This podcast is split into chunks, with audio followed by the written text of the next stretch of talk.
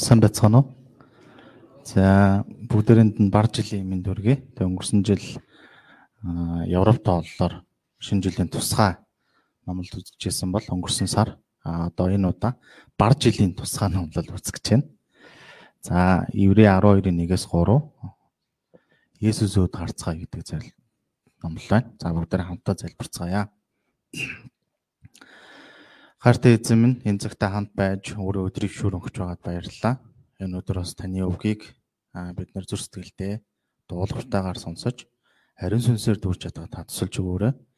Эзэм дэлхийн өнцөг болон бүр таныг магтан чуулж байгаа сүм чуулган хүмүүсийн дээр та өөрийн ариун сүнс, өөрийн баяр хөөр, өөрийн нэгүслийг дадууран болгож өгөөч. Тэгээд энэ цагтаа хамт байж энэ цагийг танд даатгаад таны хайртай хөө Есүс Христосийн нэрээр гуйж байна.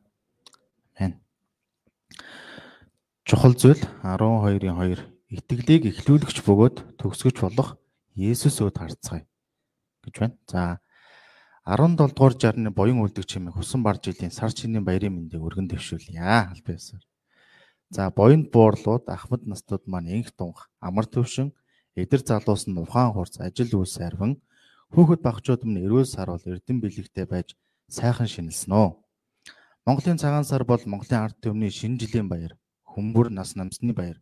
Хүүдний ам чаашилж, хөхөөрийн ам наашилж, урган төлжгийн их урин хавартай залгож бидний баярлалаа. Энэ л өдрүүдэд бид энэ энэ жилдээ хийж бүтээх зүйлээ төлөвлөн эрх саад бэрхшээлийг тооцсон суугаа баха. Улиран одож буй өхөр жил цар тахлаас эхлээд хүн бүрийн хувьд алдаа оноотой авах гээх зүйлтэй гимшиг талархах сэдвтэй уйлж энэх өдрүүд олонтой өнгөрчээ.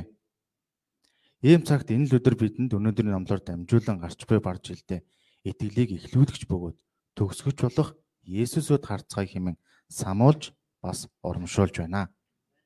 Энэ жил та юу ч төлөвлөсөн бай, юу ч зорилгоо болгосон бай, тэр бүгдээс илүү Есүс рүү хараагаа чиглүүлж зорилгоо түүн рүү болгох нь чухал болохыг уриалмаар байна. Учир нь хүн юунд хараагаа чиглүүлэн амьдарч байгаа нь маш чухал юм. Ягд гэвэл бид хараа зорилгоо болгож үзүүлээ даган амьдрдаг учраас тэр. Хүн үргэлж хүсэл найдвар болгосон зүйлээ дуурайж түүнээс зурдаг. Та бүхэн юун дээр хараагаа чиглүүлэн амьдарч байна вэ? Би дөрөв хүүхдийн ирээдүй, аз жаргалтай гэр бүл, сайн ажил, мөнгө, амжилт, дэлхийн зүйл гэх мэт бид эдгээр зүйлд найдан хараагаа чиглүүлэн амьдрах нь амарх. Би ч бас тэгж байсан. Мэдээж эдгээр зүйлс нь хэрэгтэй юм. Тэгвэл найдвараа болгох зүйл ихтэй энэ дэлхийд бид жинхэнэ найдах ёстой зүйл нь юу байх вэ? Өнөөдрийн зарилгын чухал зүйлийн эхний хэсгийг уншъя. Итгэлийг эхлүүлэгч бөгөөд төгсгөж болох Есүсөд харцгаая. Илч Паул бидний амьдралыг олон удаа уралдаантай зүүрлсэн байдаг. Яг гэвэл бидний амьдрал нь холын зайн марпан гүйлтэй адил юм. Марпан гүйлтийн зорилго нь юу вэ? Ялалт байгуулж алдрын титмийг өмсөх юм. Өөрөөр хэлбэл АЦ-гээс гараад БЦ-т очих. Түүнчлэн итгэж бидний итгэлийн уралдааны зорилго бол зөвийн титэм, алдрын титмийг өмсөхийн тулд байдаг. Өнөөдрийн хамтаас бүгдээрээ хит хитэн чухал төлхөр өгнүүдээс суралццгаая. Цөөхөн ишлэлтэй тий, гурван ишлэлтэй. Тэгэхээр үг бүрээр нь хэдүүлээ хөөж судлаа. Нийт төлхүүр үг бол гэрч гэж байна. Илч Паул хэлэхдээ бидний үйл мэд үлэмж их гэрч нартай хамт тэднэр хүрээлэгдсэн байгаа тухайд урдсан. Заримдаа бид гүйж байхдаа ганцаарддаг. Гэхдээ үнэндээ бид ганцаараа биш юм аа. Бид уралдаанаа дуусгасан олон тооны итгэлийн баатруудаар хүрээлэгдсэн байдаг. Эдгээр гэрчүүд бол зүгээр нэг үзэгчд биш юм. Харин уралдааныг эцсээ хүртэл явуулахын тулд амиа өгсөн оролцогчд юм.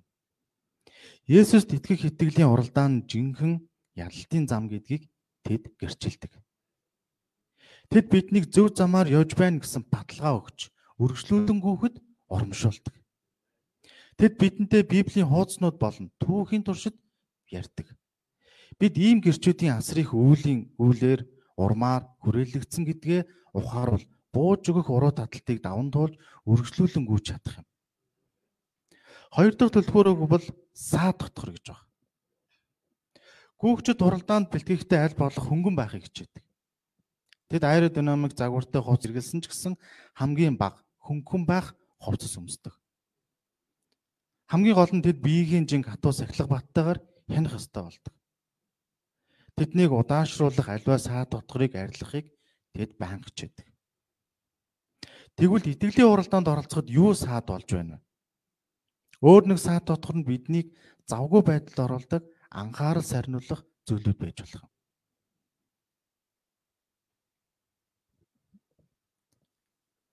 Пастор Эрик Уоррен гэж хүн зоригтой амьдрал номондоо ихэнх хэрчүүд ямар ч зориггүй анхаарал сарниулах амьдралаар амьдрдгаа гэж нэг ишсэлсэн байна.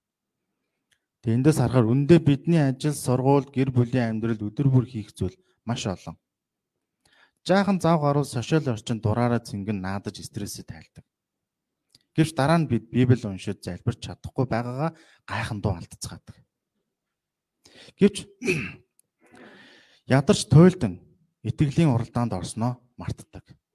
Ийм үчид бид Бурхны үгийг сонсож залбирах хэрэгтэй байлаа. Дараагийн хамгийн ностой саад бол маш амархан уригддаг гин үгэл гэж хэлж байна.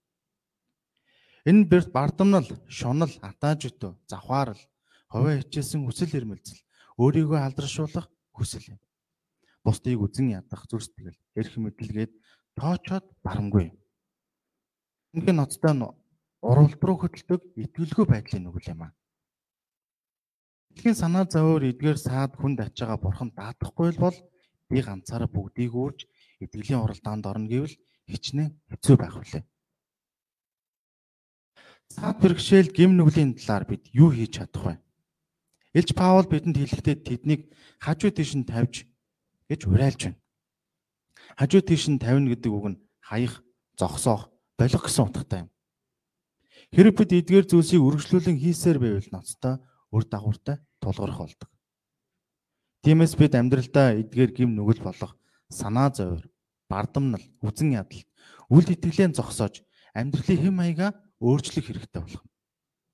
Хэдийгээр бид шаргуу хичээх ёстой ч үүнийг зөвхөн өөрсдийн хүчин чармаалтаар хийх боломжгүй. Бидэнд Есүс хэрэгтэй. Бид Есүс дээр ирэхэд тэр бидэнд туслах нь гарцаагүй. Есүс бидэнд хүнд ачаа ихтэйг мэддэг болохоор Матад хэлэхдээ зүдэж зүтгэгсэд хийгээд хүнд ачаа үүрсэн бүгдээ над дээр ир. Би та нарыг амраа гэжээ. Харин дуулалт хэлэхдээ өдөр бүр ачааг минь өөрдөг эзэн бидний аврал болох бурхан магтагдах болтугай гэсэн байна. Бурханд итгэн нэгдэг нь өөрийн бүх санаа зовоор, өөрийн бүх амьдралын асуудал, хүнд ачааг өдөр бүр бидний оронд дүүрсэн бурхан эзэн даатхан найдах явдал юм аа. Гурав дахь түлхүүрөг бол төвчээр гэж бидэнд хэлж байна. Итгэлийн уралдаан бол 100 метрийн уралдаан биш юм. Энэ нь марафонд илүү төстэй юм.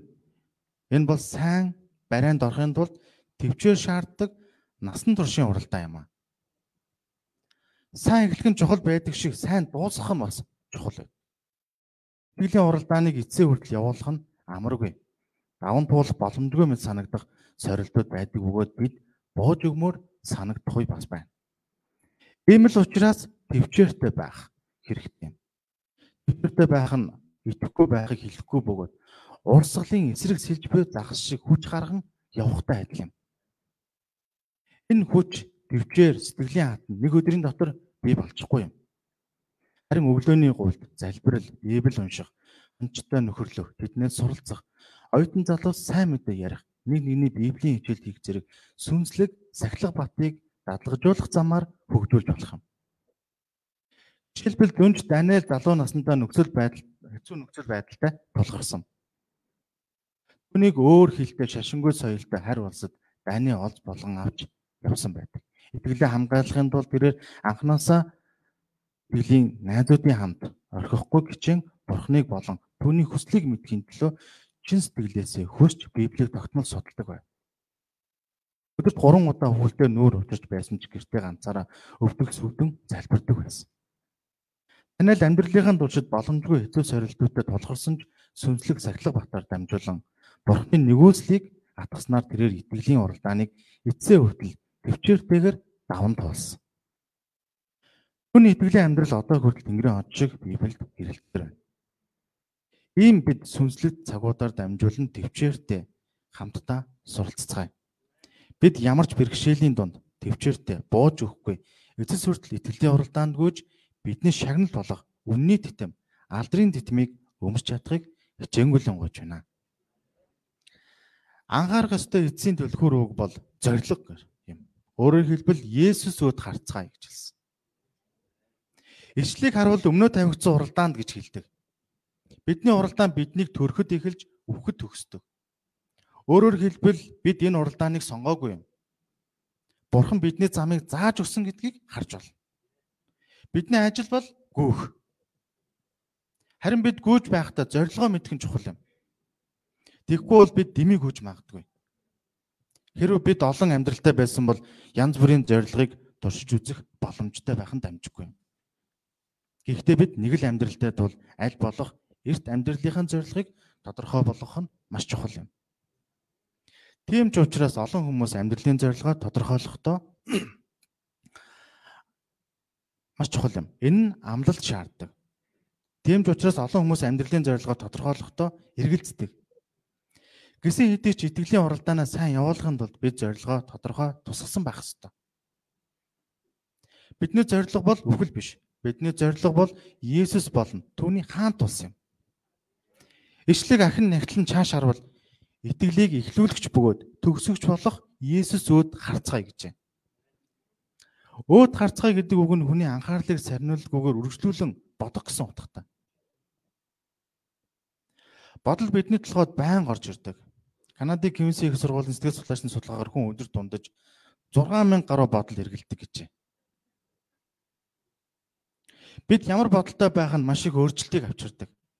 Хэрэв бид муу санаатай байвал сөрөг, харанхуй, муухай болно. Дараа нь хормоо үйлдэлүүдийг гарах болно. Хэрэв бид итгэлтэй, зөв бодолтой байвал итгэл найдвар, баяр баясгалан, хайраар дүүрэн байх болно. Сайн үр жимсч урхан дамжиггүй юм. Ийм учраас бид Есүс рүү нүдэ, зорилгоо, оюун бодлоо чиглүүлэх ёстой болж. Энэ нь аяндаа болцдог зүйл биш бөгөөд танаас хүчин чармайлт гаргах шаардлагатай бол. Бид Есүсөөд хараагаа чиглүүлэх үед тэр бидний зүрстгэлийг захирна. Тэгснэр бид Есүсийг дуурайж сүнсний үр жимсийг оргуулж чадна. Есүсөөд харцгаая. Үнэн дээр Есүс рүү харвал түүнийг Бурхны сентиний баруун гар заларч буй дээд эрх мэдэлтэй захирагч гэдгийг олж мэднэ.